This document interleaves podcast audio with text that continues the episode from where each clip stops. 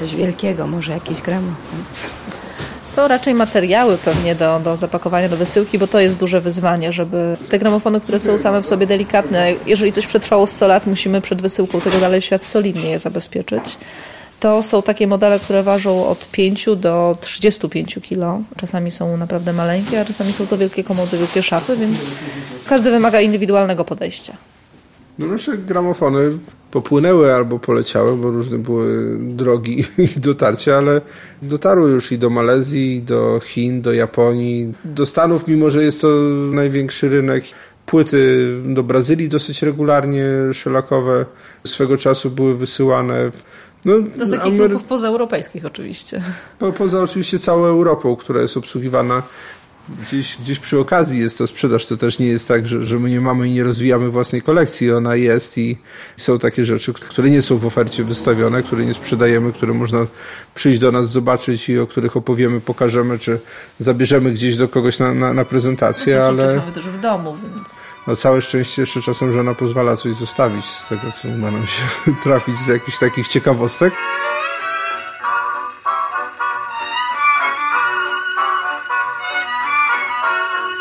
No u nas muzyka zawsze gdzieś tam w tle gra. No tu będąc w biurze to zawsze jest okazja, żeby tam sprawdzić jakiś gramofon, czy, czy, czy dobrze gra. Jak nie, to nawet na szybko odsłuchujemy to na najprostszym elektrycznym gramofonie, a w domu w zasadzie... podstawowy model dobrze się dokuda, dobrze się do tego sprawdza.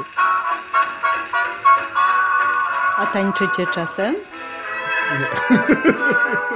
Jeszcze do niedawna, idąc ulicą Lubartowską, nie miałam świadomości, że pod numerem 18 mieści się raj dla miłośników starych dźwięków. To zarazem biuro, sklep i showroom prowadzony przez Barbarę i Marcina Mikułów, właścicieli największego w Polsce internetowego składu płyt i gramofonów.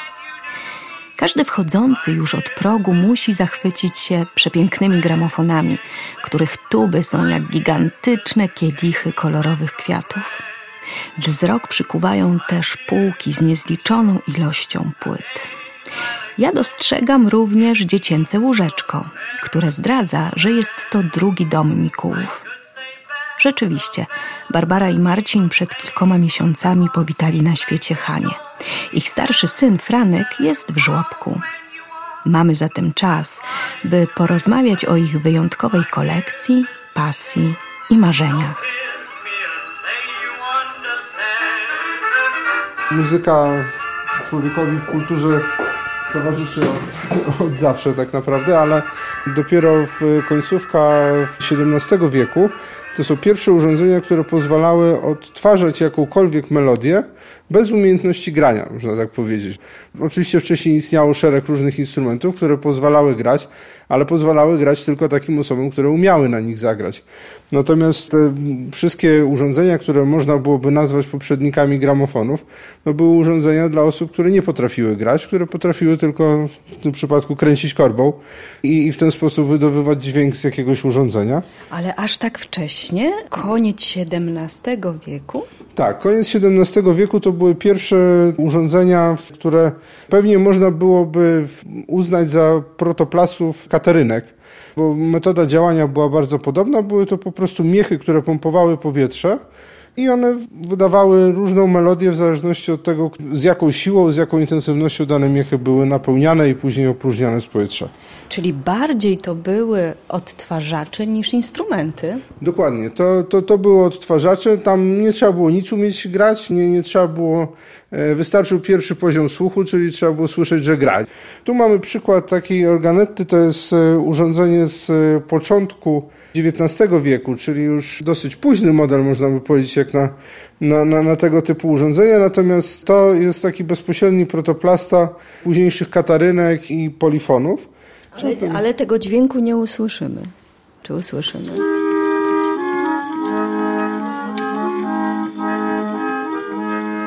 Na tak długim nagraniu, na tej rolce, mamy prawdopodobnie nagranych kilka utworów kościelnych. Są to prawdopodobnie melodie do jakichś psalmów czy z liturgii kościelnej. Może w tych parafiach, w których organista był mniej utalentowany muzycznie, to zamiast, zamiast umieć grać wystarczyło odpowiednio szybko kręcić korbą i może dawało to nieraz lepszy efekt.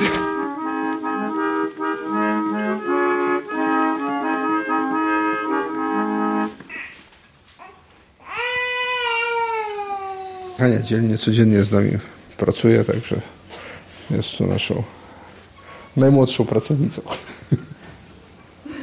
No, będzie ekspertką.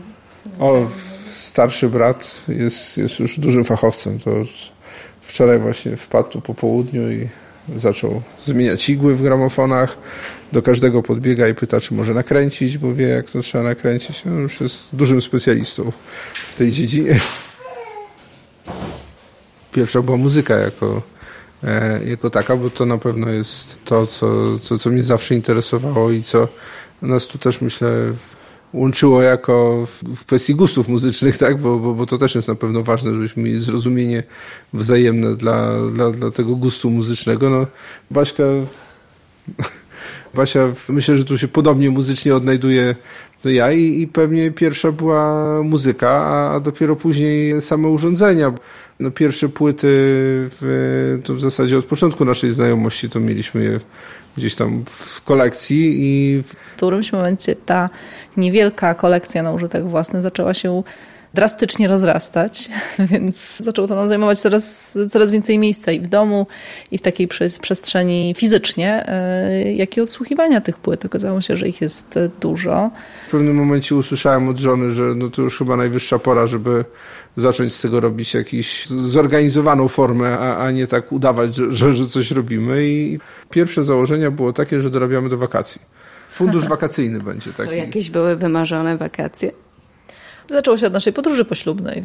Nasza podróż poślubna trwała miesiąc i, była tak naprawdę podróżą dookoła świata, więc e, na to mieliśmy na co zbierać i potem jakoś tak to płynnie przeszło dalej. Ale udało się odwiedzić 14 miejsc w ciągu tego miesiąca i faktycznie przelecieć świat dookoła. No z czasem zaczęło się to rozrastać troszeczkę bardziej. No na początku to było tylko taka sprzedaż pojedynczych tytułów, ale jak się zaczęło tym zajmować, to okazało się, że nie ma albumów na płyty, brakuje igieł, no bo skoro igły trzeba wymieniać co płytę, no to my naprawdę tych igieł potrzebujemy sporo i zaczęliśmy te igły oferować. No i tak to rozrastało się coraz bardziej. Co w tym dźwięku Państwa ujęło w tym takim starym, nie takim właśnie sterylnym, jak, jaki daje nam cyfra? Na, na pewno tak, jak, jakby się tak cofnąć, akurat, że w ogóle kiedy się dowiedzieliśmy, co to jest płyta szelakowa, to, to pewnie to była seria trzeszczącej płyty Piotra Kaczkowskiego. I, I, to była seria płyt, którą mamy w całości którą swego czasu przesłuchiwaliśmy w, w jedną i w drugą stronę dosyć regularnie. I, I, to pewnie spowodowało to, że w ogóle rozpoznaliśmy temat jako taki, czy, czym jest płyta szelakowa i czym się różni od winylu. Na mnie zrobiło wrażenie, tam nawet właśnie na, na jednej z książeczek pan Piotr Kaczkowski pisze właśnie o, o nagraniu o Sole Mio w wykonaniu Caruso. Caruso był największym takim twórcą operowym, takim pierwszym gwiazdą show biznesu, można powiedzieć, w muzyce rozrywkowej, on, bo on troszeczkę połączył tą złotą erę opery, czyli przełom XIX i XX wieku z powstającą muzyką rozrywkową. Zgodził się nagrywać na płytach szelakowych, z czego wielcy twórcy niekoniecznie chcieli robić, bo uważali, że to poniża ich wartość artystyczną. On, on w to wszedł i, i stał się pierwszą taką wielką gwiazdą. I on nagrywając tą płytę z Sole Mio w 1908 roku, po prostu podszedł do tuby, zaśpiewał i z koniec, tak? I nie było ścieżki bębnów, ścieżki gitary, ścieżki wokalu, przesterów, y, jakichś filtrów, nie wiadomo czego. Po prostu albo umiało się grać, albo się nie umiało grać. Jak stawał zespół, żeby zagrać foxtrot, żeby zagrać utwór swingowy, to stawało 6-7 osób, bo, bo, bo tyle liczyły te orkiestry. Stawały przed wielką tubą, bo do 1920 roku nagranie też było akustyczne. Nie używano prądu do, do nagrania, czyli nie było mikrofonów. Taki zespół musiał stanąć przed wielką tubą, Zagrał raz, zagrał drugi raz, odsłuchiwano, która wersja jest lepsza, tą gorszą wersję niszczono, lepszą powielano. I, I, dla mnie to miało właśnie tą magię, że no, albo ktoś umiał grać, albo nie umiał grać. Tu nie było tego, że o, to tą perkusję się potem dogra, a tą gitarę wygładzimy. No to tyle.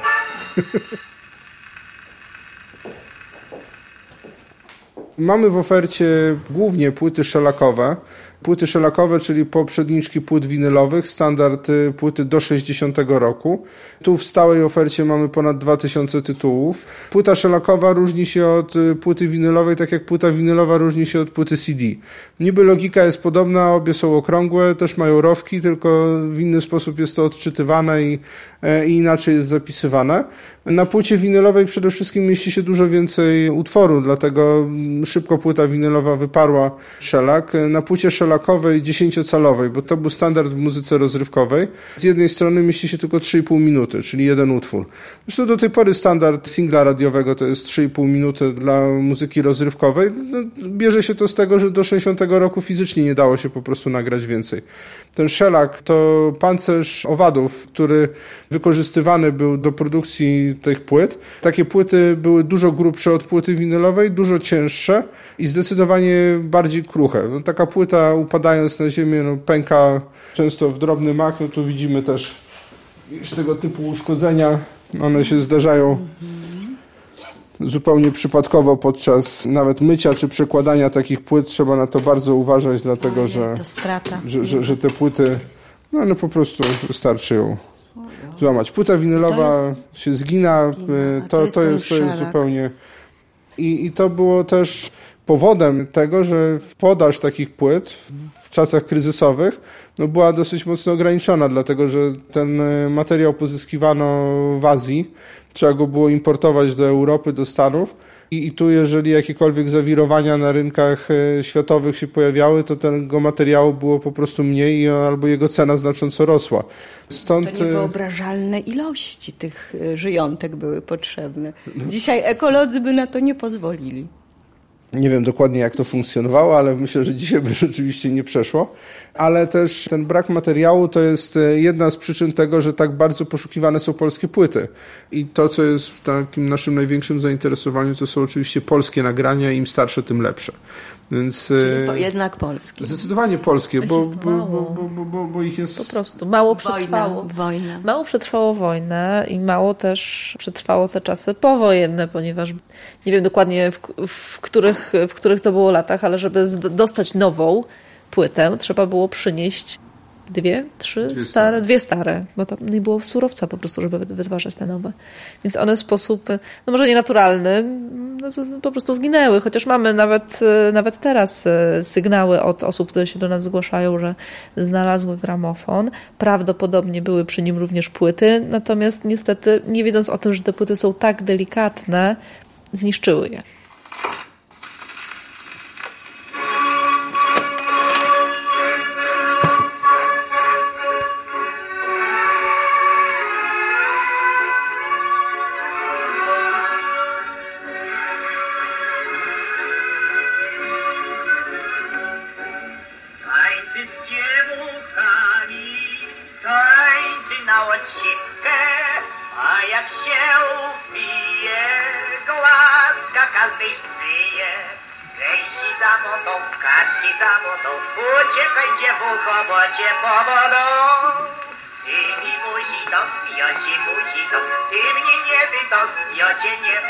Byli wykonawcy tacy, którzy w tej erze płyt szelakowych byli absolutnymi e, guru byli największymi gwiazdami, gwiazdami niż Louis Armstrong, Frank Sinatra wzięci razem i ten, a okazuje się, że dzisiaj te nazwiska już nikomu nic nie mówią, bo oni gdzieś przy tym transferze z płyt szelakowych na płyty winylowe no, zaginęli, a, w to miejsce pojawiły się inne gwiazdy i w polskiej historii muzyki rozrywkowej no, takim wykonawcą był na przykład Tadeusz Waliszewski, który w czasach płyt szelakowych wydawał tych płyt pewnie wielokrotnie więcej niż Mieczysław Fok.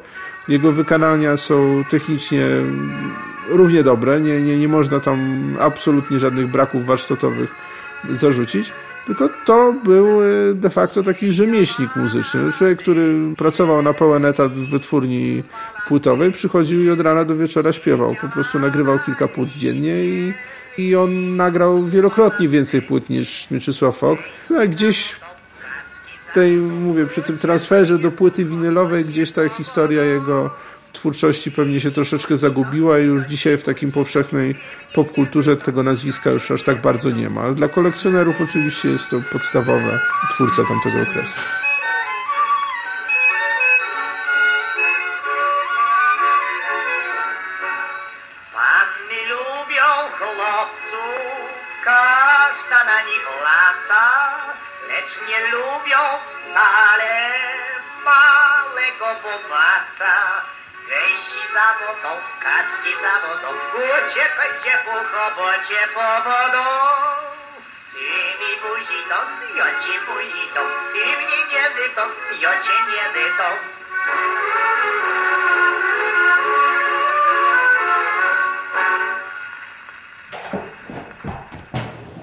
O tu. Metal, a. Metalowe, to, to jest metalowe. Zresztą proszę spróbować, ona jest dosyć ciężka, to no, wygląda na, na taką lekką. E, ale to jest e, w oryginalnym stanie zachowana. Właśnie te, te, te, cieniowania w malowaniu są bardzo fajne, bo mało jest takich tub, które są zachowane. No tu zresztą widać nawet u nas kilka takich potworków, jak ten, z którego na pewno trzeba będzie tą farbę zdjąć. Ktoś to próbował samemu pomalować i i, i, efekt jest jaki jest. Ta tuba prawdopodobnie wyglądała tak jak, jak ta, albo tak jak od tamtego patefonu. Natomiast ktoś uznał, że jak pomaluje i nałoży świeżą farbę, to będzie wyglądało lepiej. No my staramy się wszystkie urządzenia robić jednak mimo wszystko na oryginał, więc na pewno to stare malowanie usuniemy i spróbujemy jej przywrócić jak najbliżej oryginałowi. Czyli ta tuba pełni y, rolę głośnika dzisiejszego głośnika? Tak jest. No, tuba, tuba była głośnikiem. Y, gramofony z tubami produkowane były mniej więcej tylko przez 15 lat. Od początku XX wieku, mniej więcej do 15, może do 20 roku. Dłużej raczej nie, dlatego że ta tuba była bardzo niepraktyczna. Dodatkowo tu nie było możliwości regulacji głośności. Jedyny sposób na regulację głośności przy takim gramofonie to była grubość igieł. E, cieńsze igły grają ciszej, grubsze igły grają głośniej to był jedyny sposób na to, żeby taką głośność głośność zmieniać. Gramofony z tubami to był po prostu początek tej technologii. Ona z czasem została dopracowana. Tą tubę obcięto mniej więcej około 20 roku i schowano ją do środka. Dzięki temu, jak widzimy na tym modelu gramofonu Zonofon, e, dzięki temu dodano do środka, często tu z przodu była zamykana, otwierana żaluzja albo drzwiczki, które pozwalały regulować głośność. To już była przewaga w stosunku do, do gramofonu tubowego. W drugiej połowie lat dwudziestych do tego gramofonu dodano wieko. Dlatego, że słuchając płyty na takim gramofonie, mamy wrażenie takiego pogłosu, bo słyszymy jednocześnie dźwięk dobywający się z tuby e, i bezpośrednio z igły.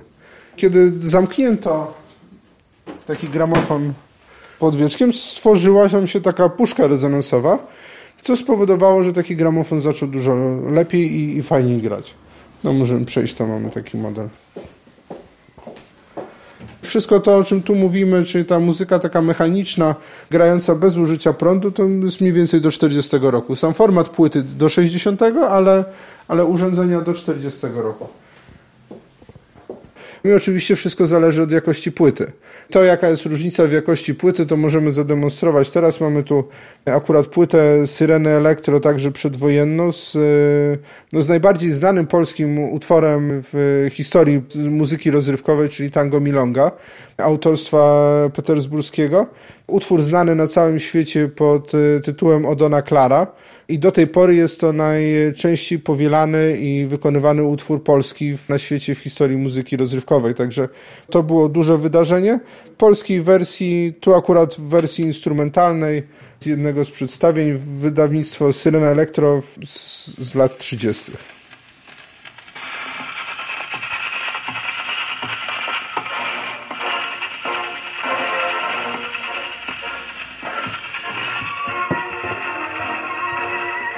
odtwarzać powinniśmy z zamkniętym wiekiem, wtedy właśnie tworzy się taka puszka rezonansowa, dużo lepiej powinien grać gramofon, a regulację głośności poza grubością igieł oczywiście stanowią drzwiczki. No, otwierając robimy głośniej.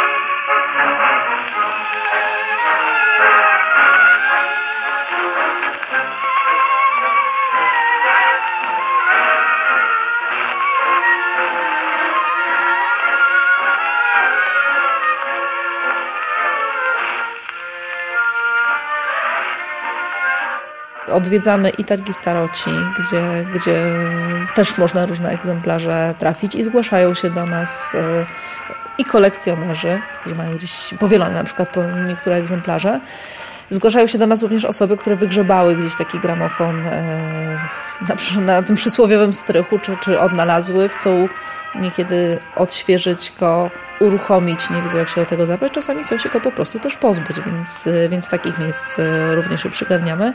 Są również no, różnego rodzaju, bardziej lub mniej profesjonalne miejsca, w których można, można je skupić, więc tak naprawdę tych źródeł, gdzie możemy je pozyskać, odnaleźć, trochę jest, ale trzeba faktycznie być mocno, mocno w tym zakorzenionym i tutaj mąż jest y, ekspertem w zakresie ich wyszukiwania i trafiają się czasami naprawdę różne perełki.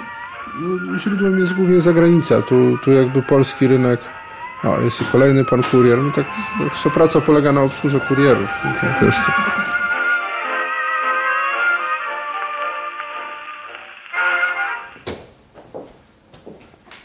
No właśnie, ale to, że możecie y, się rozwijać, rozkwitać w tym biznesie, to też za sprawą mody, która przyszła, chyba możemy mówić o takim zjawisku jak moda na słuchanie winyli szczególnie. O szelakach chyba rzadziej się mówi, ale wi płyt winylowych I, i taka tęsknota za tym brzmieniem analogowym. Skąd to się wzięło, jak Państwo myślą, jak myślicie? Jest moda. Jest... Nawet już chyba w, w, hipermarketach można kupić płyty winylowe. Można i w dyskontach jak najbardziej. To, to też pokazuje, że na to jest jak najbardziej moda. No może z gramofonami już tak dobrze nie jest, jeżeli, jeżeli mówimy o zakupach w dyskontach i w hipermarketach, ale płyty jak najbardziej, jak najbardziej są dostępne. Jak to wytłumaczyć? To jest, to jest inny dźwięk. Faktycznie on jest, on jest głębszy.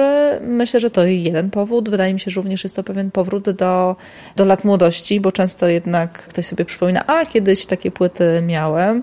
To nawet 30-latkowie pamiętają takie płyty jeszcze z dzieciństwa, więc e, ta moda się nakręca. To jest e, poniekąd też po prostu oryginalny prezent. No to celebra e, wokół tego grania to nie jest tak, że, że wyciągamy telefon i i dwa pyknięcia, tylko jednak trzeba tą płytę wyjąć. Jest okazja, żeby obejrzeć okładkę, przeczytać. Przy płycie CD się jakoś tych książeczek tam specjalnie nie wyjmowało chyba na bieżąco i nie, nie zaglądało. Tu jest trochę więcej może właśnie takiego celebrowania, grania tej płyty i tu nie chodzi już może o samo słuchanie i o taką funkcjonalność słuchania, tylko bardziej właśnie o taką otoczkę wokół tego. Nie podlega dyskusji to, że ten dźwięk jest lepszy z płyty winylowej to traktujemy jako dogmat i o tym nie, nie, nie dyskutujemy, bo, bo on jest lepszy. Natomiast to też jest na pewno właśnie ta otoczka, że trzeba to, to wyjąć, tak usiąść. Tak Człowiek się bardziej skupia na tym, poświęcił jakiś czas na to, żeby to zrobić, a nie słucha tego w radiu e, stojąc w korku albo przemieszczając wyszukał się. Wyszukał tę płytę, tę płytę, żeby tak. ją Znalazł, zdecydował, znaleźć, odkopać, wyczyścić. To... to też jest jakaś historia, bo nawet jeżeli teraz znajdziemy sobie właśnie taką kilkudziesięcioletnią płytę, no to zawsze gdzieś z nami zostaje ta historia, skąd ją mamy. Czy przywieźliśmy ją z wyjazdu do Barcelony, czy kupiliśmy ją w niedzielę na, na, na starociach na Starym Mieście, czy była u babci na, na strychu, to, to za tą płytą też idzie jakaś historia. No, plik tej historii nie będzie miał.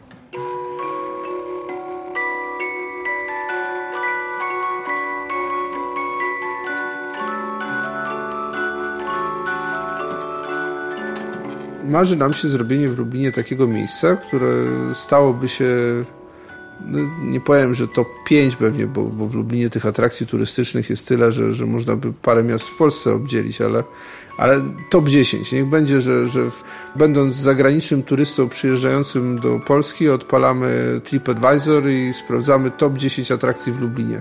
Ja bym chciał, żeby na tym dziesiątym miejscu było Muzeum Muzyki które się tu znajdowało, jako miejsce, do którego można przyjść właśnie z, z dzieciakami, pokazać jak e, muzyki słuchano 100 lat temu, jak słuchano jej 150 lat temu, jak słuchano jej 200 lat temu. Zagrać na żywo te płyty, pozwolimy nakręcić tą korbę, pozwolimy zmienić igłę. Co grzeczniejszym dzieciom damy nawet złamać płytę szelakową, bo jak już są takie, które są w kawałkach zepsute, to, to niech zobaczą, jak bardzo to było kruche i jak bardzo było delikatne podzielimy się tu wiedzą i, i, i pasją, którą mamy do takiego starego sprzętu, ale też, żeby z drugiej strony to nie zginęło, żeby była świadomość właśnie Tanga Milonga i tego, że, że utwór Petersburskiego do tej pory jest największym hitem. Tu się zastanawiamy, które miejsce w Eurowizji zajmuje jakiś wykonawca współcześnie, a nie znamy historii, nie znamy przeszłości tego, jak to funkcjonowało, a te... Jak bardzo e, międzynarodowy to jest przebój do tej pory. Tak, jak, jak duże to było wydarzenie w czasach bez internetu, bez takiej szybkiej wymiany informacji, bez, bez tego nagle utwór z Polski staje się światowym szlagierem, no to jest dzisiaj nie do pomyślenia, jak to możliwe, że się udało 80 lat temu. I też chodzi o zachowanie pamięci o polskich artystach, o tej kulturze dwudziestolecia międzywojennego, która wytworzyła właśnie teatry rewiowe. No nawet w Lublinie kilka takich miejsc funkcjonowało, chociażby na, na Rusałce taki teatr. To nie była kultura jakaś najwyższa, bo, bo od tego były zawsze teatry i filharmonie, ale to była kultura ta bardziej masowa. No tego mieli szansę słuchać dziadkowie i pradziadkowie może już bardziej osób odwiedzających nasze miasto. No i chcielibyśmy to pokazać nie tylko w ujęciu samego Lubina, bo to bardzo wąska byłaby działka, tylko w całym historii fonografii jako takiej. Chcielibyśmy stworzyć takie miejsce, o którym wiedziano by, że jest to atrakcja w naszym mieście. Można przyjść już obecnie nas e, odwiedzić, dotknąć, zobaczyć, porozmawiać, więc serdecznie zapraszamy. A na przyszłość no zobaczymy, jak postępować będzie realizacja tego marzenia. Bardzo mi się podoba to marzenie. To będę czekać i trzymać kciuki. Proszę za nas trzymać kciuki, dokładnie.